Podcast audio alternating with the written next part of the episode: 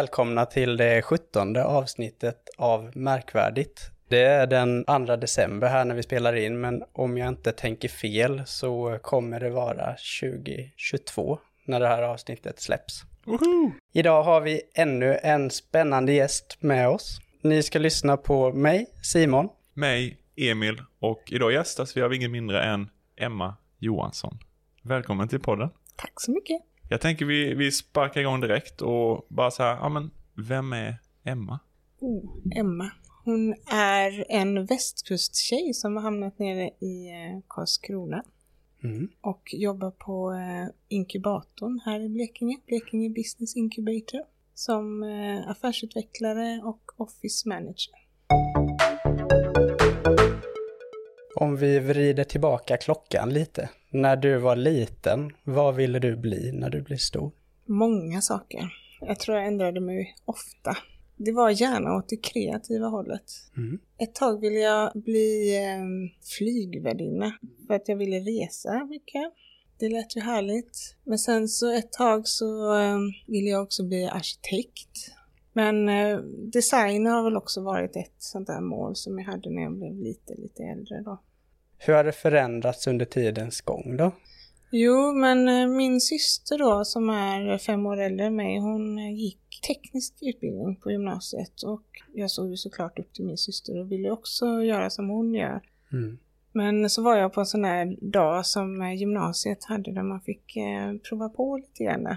Och där satt jag i den här fysiksalen och kände att nej, Ja. det här är ingenting för mig.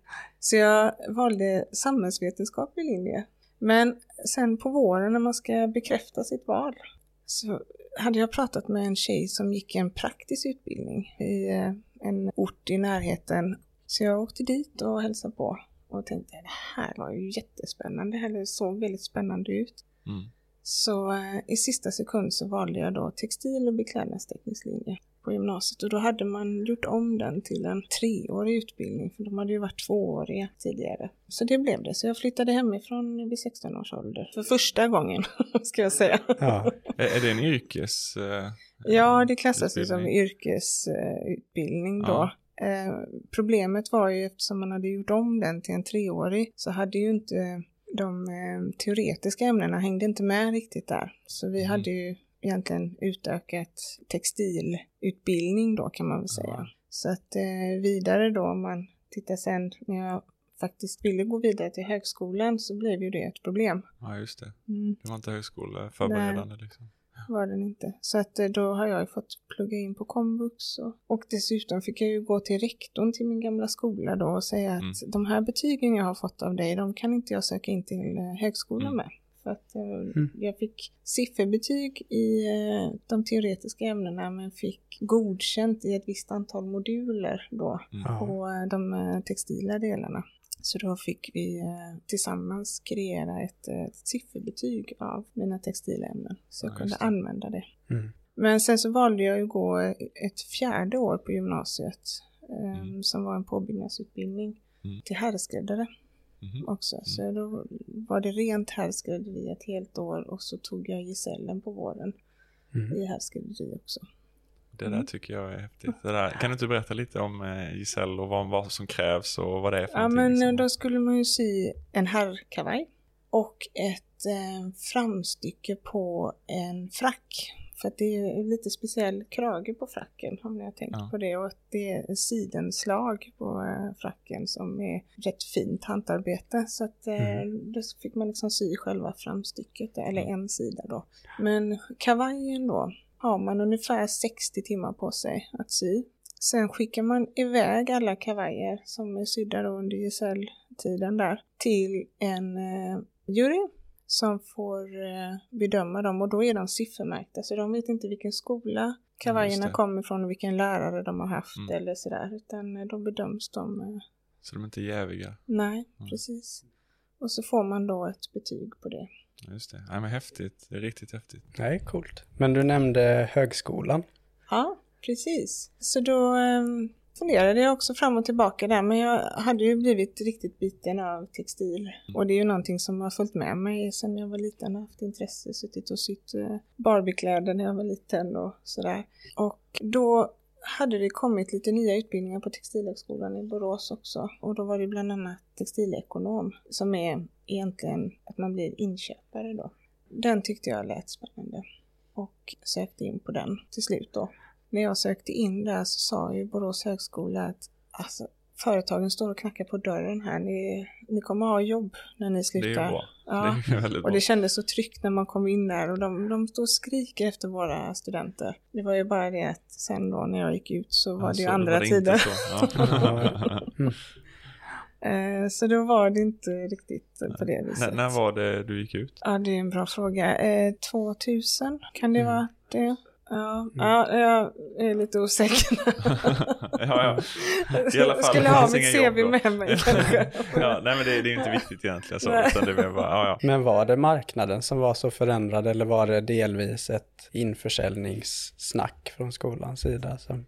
Jag tror att det faktiskt hade varit så från början. Om man hoppar lite längre fram så började jag jobba i Helsingborg och på um, Bex of Scandinavia. Där pratade man väldigt mycket om eh, 90-talet. Mm. Mm. Alltså säljarna hade ju bara tryckt ut plagg utan pass. Det var ingen passform på 90-talet. så man kunde bara trycka ut kläder på folk. Säljarna pratade väldigt mycket om detta. De drömde om att få komma tillbaka till 90-talet när man kunde sälja på det sättet. Liksom. Och det var mycket tuffare. Ja. Och sen så blev det ju en kris där runt 2007 någonstans. Och det märktes Ja. ju på många sätt så det blev ju Mm. jättetufft. Och sen dessutom så började ju, man började bli lite kräsen i Mm. passform och det går ju inte Mm. liksom bara att komma med en, ett plagg. Det ska vara billigt gjort men ändå med snygg passform. Det ska inte kosta för mycket Nej, liksom. just det. Nej, för, för 90-talet var väl lite så, lite större kläder typ Mm. och så här, inte breda axlar, det var väl med 80, men liksom att man, ja, Mm. lite större var Verkligen, det helt var enkelt. ja, lite loose fit Ja, så, ja. Eh, och sen så blev det tajtare, väldigt mycket tajtare sen. ja. Och då måste det ju sitta bra. Vad svårt att vara designer, Ja. på tal om ingenting kanske. Att, att följa de trenderna, att ena Ja. årtiondet så ska man ha eh, påsar på sig och andra så Ja. ska det vara något Ja, helt se- annat. Ja, men liksom. precis. Och se framåt liksom, så här, vad Ja. hände sen? Men det är ju intressant för det har ju varit några kriser i världen eh, eh, och jag vet när jag har varit på trendseminarier och sådär så pratar man ju mycket, är det en kris så, eh, så blir man ju mer, man tänker mer hemmamys så, så tänker vi då på pandemin som har varit nu. Mm. Att eh, just det här hemmakläderna har ju fått ett, en helt annan, liksom, det ska vara bekvämt helt plötsligt. Mm. Jag menar du sitter inte Mm. hemma och jobbar i din Nej, nej. kostym utan det ska vara sköna kläder men det ska ändå se hyfsat ut. Så, och det kommer oftast efter sådana här kriser att man Ja. eh, vill bona hemma och kläderna blir lite mysigare liksom.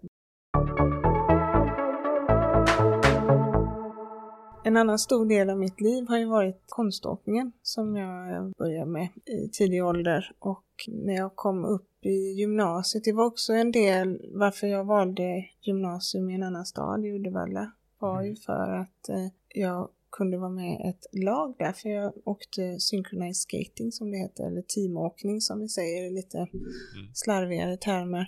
Det är ju lagsporten inom konståkning. Man är, eller vi var då 20 stycken åkare på isen samtidigt. Så man kan eh, likna det någonstans mittemellan Riverdance och eh, konstsim.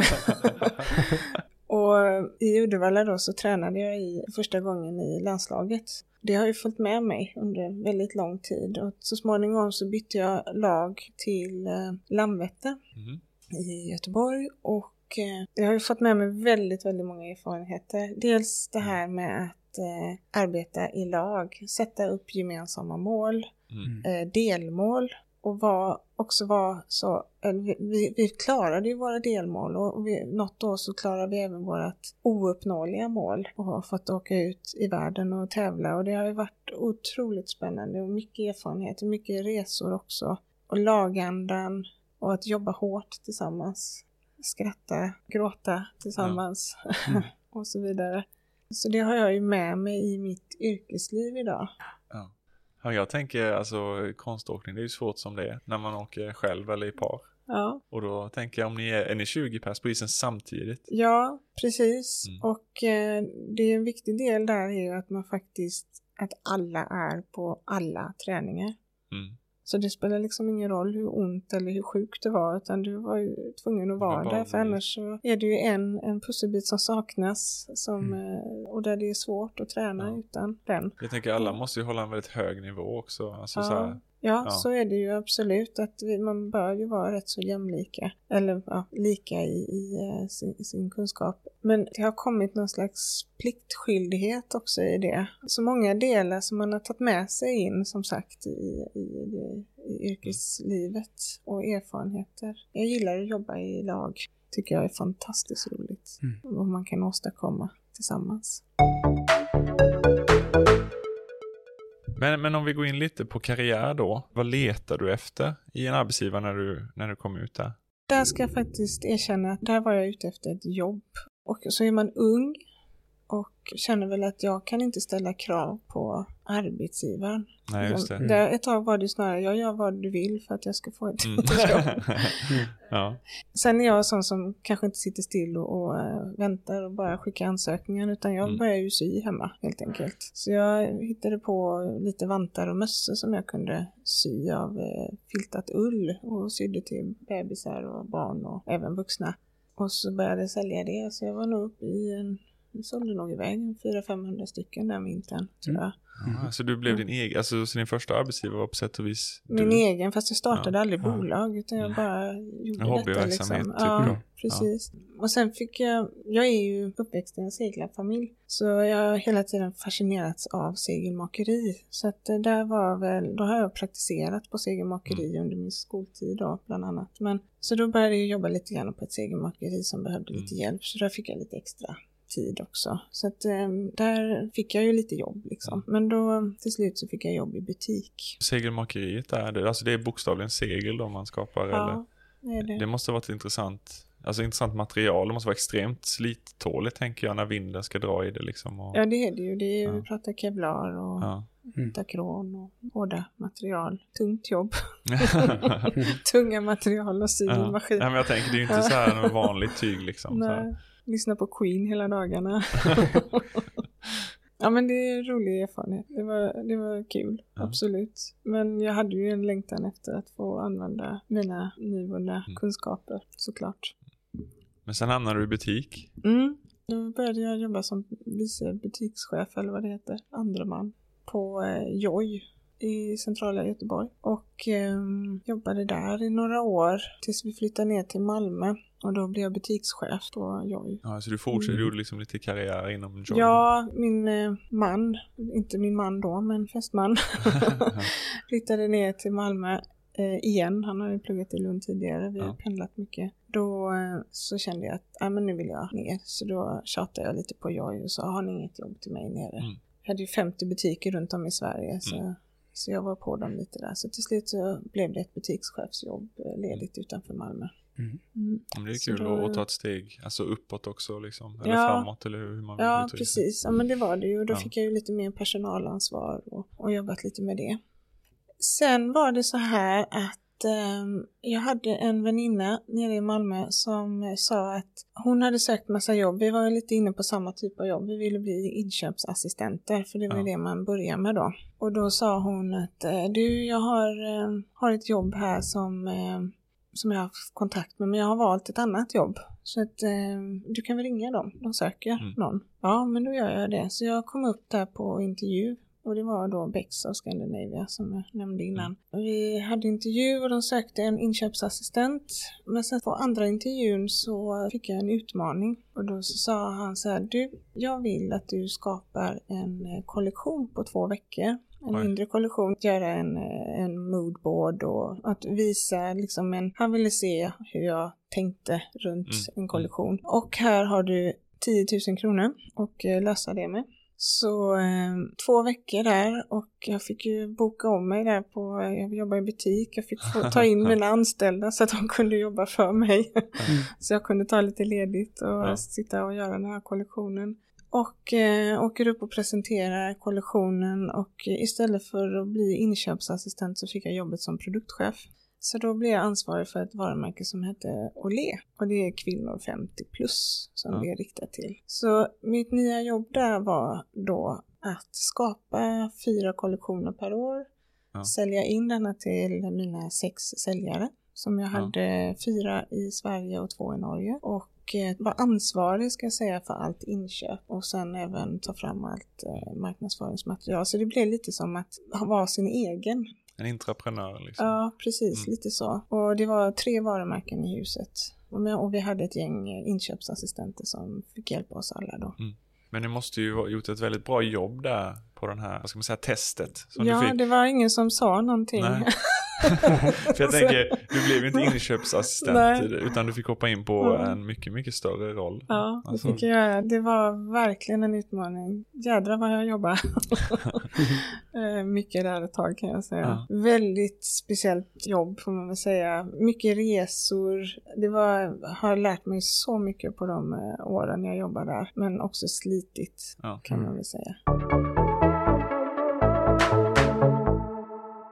Vad hände sen då? Sen eh, bestämde vi oss för att det var dags att skaffa barn.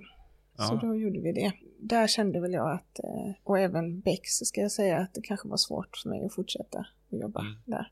Jag kan inte jobba dygnet runt och ja, skaffa Nej. barn liksom. Nej, Nej. det var svårt. Så att eh, där drog jag mig faktiskt tillbaka till segermakeriet igen. Började Jaha. jobba med eh, sydsegel i Malmö. Vi hittade på Ja. lite saker. Då började jag att knoppa lite på en egen väskkollektion. Så att vi eh, bytte lite timmar med varandra, jag och segermakaren. Och så eh, satt jag där och sydde lite. Så det funderade jag på om jag skulle starta någonting. Och eh, gick även en sån här starta eget-utbildning för kvinnor. Så vi var 24 kvinnor som träffades Mm. Under ett helt år. Men någonstans där också så eh, började magen växa igen på barn nummer två Jaha. då. så att eh, lilla Tyra fick vara med de här sista träffarna på Starta eget. Och då kände jag att nej, jag är nog inte mogen att starta eget med två små barn. Mm. Så där eh, så kände vi också att en hel familj i centrala Malmö, nej nu flyttar vi. Och då eh, föll valet på Karlskrona. Och då hittade jag Blekinge Business Incubator. Affärsutvecklare Mm. på Blekinge Business Incubator. Mm. Vad gör en sådan? Vi stöttar ju eh, startups. Vi är ju finansierade av Vinnova och regionen och även lite privata medel. Så vi har ju lite mm, krav på oss vilken typ av bolag vi ska stötta. Innovativa startups som har skalbara Mm. idéer. Mm. Och av någon konstig anledning sen jag har blivit affärsutvecklare så har det kommit lite textila bolag också. ja, det är kul. Ja, det är fantastiskt roligt. Framförallt att få bolagen att eh, växa snabbt och att vi Mm. ska hjälpa dem så att de inte går på alla nitarna själva. Mm. Och att vi, ja men lite som namnet säger, inkubator, att eh, inkubera, hålla vid liv Ja, det är just som det. mest kritiskt. Och du är en jättebra coach. Kan jag och Emil Ja. intyga. Tack. Ja, jag skulle säga det med. Så, så det är ju så vi känner Emma. Eh, Vi träffade ju dig och du blev vår affärsutvecklare när vi Ja. var på Blekinge Business Ja, ni Incubator. var mitt första bolag jag fick Ja. ta hand om. Det har varit jätteroligt. Ja, men detsamma. Ömsesidigt. Ja. Hur ser en typisk dag ut för dig? Ja, den är lite rolig den frågan. För den ser ju aldrig ut som jag har tänkt mig. Nej. Det händer mycket hela tiden. Och eh, eftersom vi sitter inne på inkubatorn och eh, bolagen kommer med sina frågor hela tiden så händer det ju mycket. Och det är roligt. Mm. Dagarna ser väldigt olika ut. Sen så gör ju jag många olika saker på BBI också. Mm. Så det blir varierande och roligt, måste jag säga. Mm. Jag kan tänka mig att dagen kan förändras. Jag menar man, man kollar på planen på morgonen men sen så kommer ett bolag som behöver hjälp med det eller någon kris liksom och så behöver du hoppa in och, och hjälpa till. Ja, vissa perioder så slutar man att planera. Man har ju en liksom grundlista Mm. vad jag måste göra men jag kanske inte riktigt planerar när precis när jag ska göra det. Utan Mm. jag vet att jag har deadlines istället som jag Mm. måste hålla mig till. Och så försöker jag beta av så fort jag kan så jag inte ligger precis innan deadlines. Mm. Mm. För det har jag blivit bättre på. Men för någon som inte har koll alls, om du skulle hitta på en typisk dag. En typisk dag skulle kunna vara dels att man har eh, ett avstämningsmöte med ett bolag. Och det kan ju vara allt ifrån liksom en halvtimme, kolla av läget bara, till att det faktiskt är någonting som vi behöver gå igenom. Ja, men behöver vi sätta upp en tidslinje för vad som ska hända här framöver så att vi ser liksom lite action points Mm. som, som man kan liksom, eller snarare som kan hjälpa mig att följa upp bolagets utveckling. Mm. Så jag vet att det faktiskt händer saker. Beroende på vad det är för någonting bolaget vill ha hjälp med så kanske jag plockar in en kollega som är expert på det Mm. området. Sen eh, har vi ju även en del rapportering vi behöver göra och gärna då i anslutning till att man kanske har haft möte med bolaget. Vi skriver in lite grann om det så att vi har koll på bolaget och kan följa upp det. Sen har vi ju diverse olika event på eh, BBI också. Allt ifrån små till lite större som behöver planeras och bokas. Vi har ju två batcher varje år som vi tar in med nya bolag, startarprogram och det är jag just nu ansvarig för. Så att då får jag ju sätta ihop programmet för det. Mm. Och det ska ju vara föreläsare inom marknadsföring, ekonomi, sälj och så vidare. Det är Ett jäkla roddande, tänker jag. Ja, kan det ju vara. Och sen marknadsföra inför varje period med liksom att få, få in folk. Eh, men det finns ju Mm. många som vill driva bolag där ute men sen måste man ju nå ut till dem också. Alltså så, ja. Ja, det är svårt. Vi har kundgrupp, de som vill starta företag. vem är det liksom? Ja. Eller så här, det, Ja. väldigt- fin, var hittar vi dem? Ja. Mm, precis, den, är- den är lurig. Alla kommer nog att fundera på någon idé. tror Ja, jag tänker Sen det. så är det att vi ska fånga upp de där som känner att de faktiskt vill göra någonting åt det. Vilka är de största utmaningarna med ditt jobb? Den största utmaningen med mitt jobb är att ge bolagen rätt råd, skulle jag säga. mm. Mm. Det tycker jag kan vara en utmaning. Men det är också då jag gärna tar hjälp av mina kollegor. Kollar av deras erfarenhet. Mm. Ja, jag tänker behovet från företagen måste ju variera något enormt. För det är så olika Ja. företag med olika affärsidéer liksom. Och, Mm, verkligen, verkligen. Men det är också det som gör det spännande. Jag är ju just nu eh, en av projektledarna i eh, projektet CoSkill där vi eh, hjälper företag att digitalisera sig kan man väl säga. Om man har nu blivit drabbad av eh, corona så eh, kan vi hjälpa bolagen att kompetensutveckla sig. Mm. Det är ett projekt som eh, kommer från Europeiska socialfonden och kommer pågå till årsskiftet 22-23. Så det går fortfarande att kontakta mig och gå någon utbildning. ja, vi har ju tagit en utbildning genom Mm. CoSkill och Mm. det var ju väldigt bra. Ja. Skulle jag säga. Både ur ett digitaliserings och omställningssyfte men också egentligen en jättebra chans att bara bygga kompetens som man kan behöva. Ja, det är en vilket fantastisk chans. Är det. Absolut. Och det är gratis för bolaget. Det är Ja. tiden Mm. bara att gå utbildningen som behövs. Mm. Och lite, lite formalia. Ja. Mm.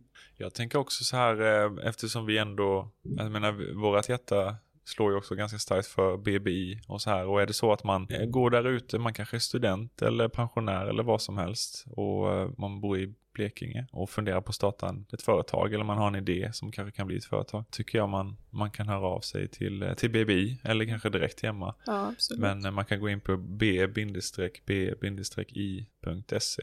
och Precis. läsa mer och hitta eh, kontaktuppgifter till, ja, men, till bland annat Emma. Precis.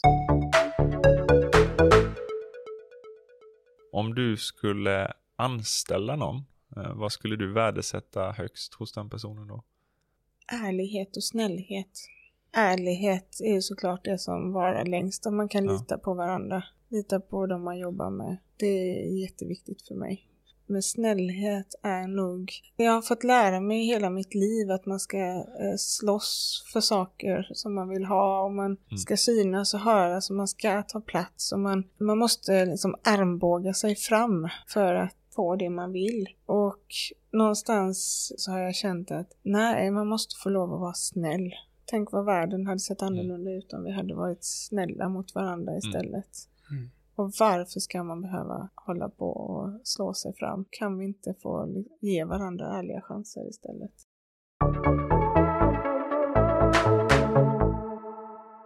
Om det är någon som lyssnar där ute som känner att jag vill med jobba som affärsutvecklare eller ta och göra karriär inom eh, textilbranschen. Liksom, så, vad skulle vara dina bästa tips för någon som är liksom i början på karriären? Affärsutvecklare tänker jag att det kommer ju mycket av erfarenhet. Det märker jag även på mina kollegor. De har, de har haft egna bolag kanske eller har jobbat sig upp i bolag och varit ute på företag och jobbat innan. Mm. Och eh, jag drömde aldrig om att bli affärsutvecklare. Jag trodde inte att jag hade kompetens mm. till det. Men har insett att när, ju mer jag satt med bolagen och var med dem så kände jag att ja, men jag har också erfarenheter att bidra med. Jag har också varit med om saker som, som kan hjälpa. Mm. Och det har varit lite häftig resa. Och sen vad det gäller textil, att ha en god kunskap om eh, textil och material. Som, jag känner att det är det jag fick i gymnasiet. Så att jag fick grunden där. Och sen så att jag har jobbat mig igenom liksom, jag har jobbat i butik, jag har jobbat med sälj, jag har mm. jobbat med tillverkning, jag, jag, har gjort liksom alla delarna i mm. textilbranschen nästan.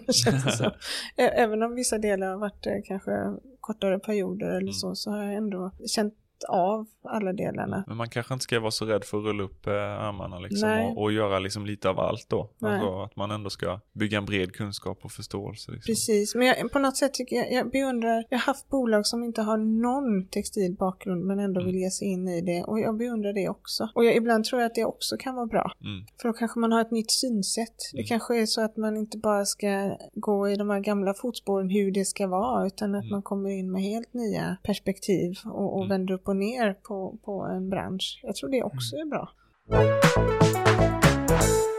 Då avrundar vi vad vi kallar det första segmentet av podden. Och det är dags för segment nummer två. Då är det jag och Simon som har med oss eh, någon eh, rolig lista eller något annat som vi vill belysa och, och reagera på eh, tillsammans med eh, vår eh, gäst. Jag har med mig en lista.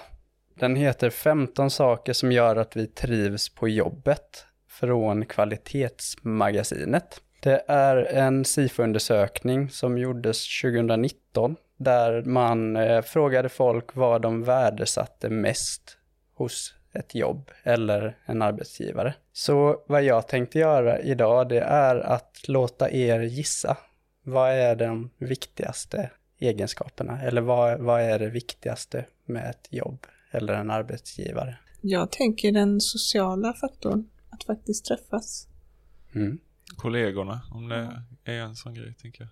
Huvudet på spiken. Nummer ett, 45 procent av alla tycker att trevliga kollegor mm. är det absolut viktigaste. Något annat?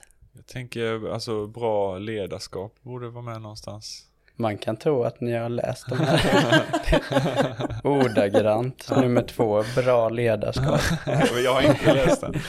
36 procent av, ja. av de som tillfrågades har svarat bra ledarskap. Tar du nummer tre på listan Emil? Oj, ska vi se. Vad tror du är trea? Hamnar vi på förmåner eller lönen då? Det finns med, men eh, nummer tre på listan är en trygg anställning. Ja, det hade jag inte gissat faktiskt. Nej, det hade jag nog inte kommit på. Även ifall jag tycker det är viktigt, alltså det är inte så. mm. men, eh, Nej, men det kanske ja. är eh, nästan lite underförstått. Ja. För jag hade nog sagt eh, typ företagskultur eller värderingar typ som stämmer överens med individens. Mm. Mm. Hög lön är i alla fall nummer sex på listan. Ja. Mm. Jag ska inte ta alla 15 punkter för då sitter vi här och gissar ja. hela dagen. Men företagskultur finns med. Det mm. är nummer åtta på listan. Vi har nummer fyra, utmanande arbetsuppgifter. Ah, det, ja, den är ju bra. För att dra några till innan vi rundar av så är arbetsmiljön väldigt viktig. Närhet till arbetsplatsen, ja, att man inte behöver pendla jättelångt. Ja, just det. Och karriärmöjligheter är också inom topp 10. När vi ändå har Emma här, vad, vad tycker du är viktigast, så här topp tre? Ja, men jag tänker ju också kollegor. Jag vet faktiskt när jag, när jag sökte jobbet på BBI så då var jag ganska fokuserad på att jag ville ha en bra chef. Mm. Mm. Jag hade ju erfarenhet av andra mm. varianter på, bra, på bra chef. mm. Och ja. kände att ja, men det är det viktigaste för mig just då. Ja. Jag tycker nog att jag har lyckats mm. med det. Ja. Ja. Då prickade du in eh, mm. topparna på, på listan. Ja, men jag, jag har faktiskt också med mig en lista idag och det är, här är de 20 jobben med högst lön i Sverige. Statistiska centralbyrån har gjort en lista över de mest betalda jobben i Sverige 2019, så det här kan ju ha Mm. förändrats sedan dess. Vad tror ni ligger högst upp? Statsministern?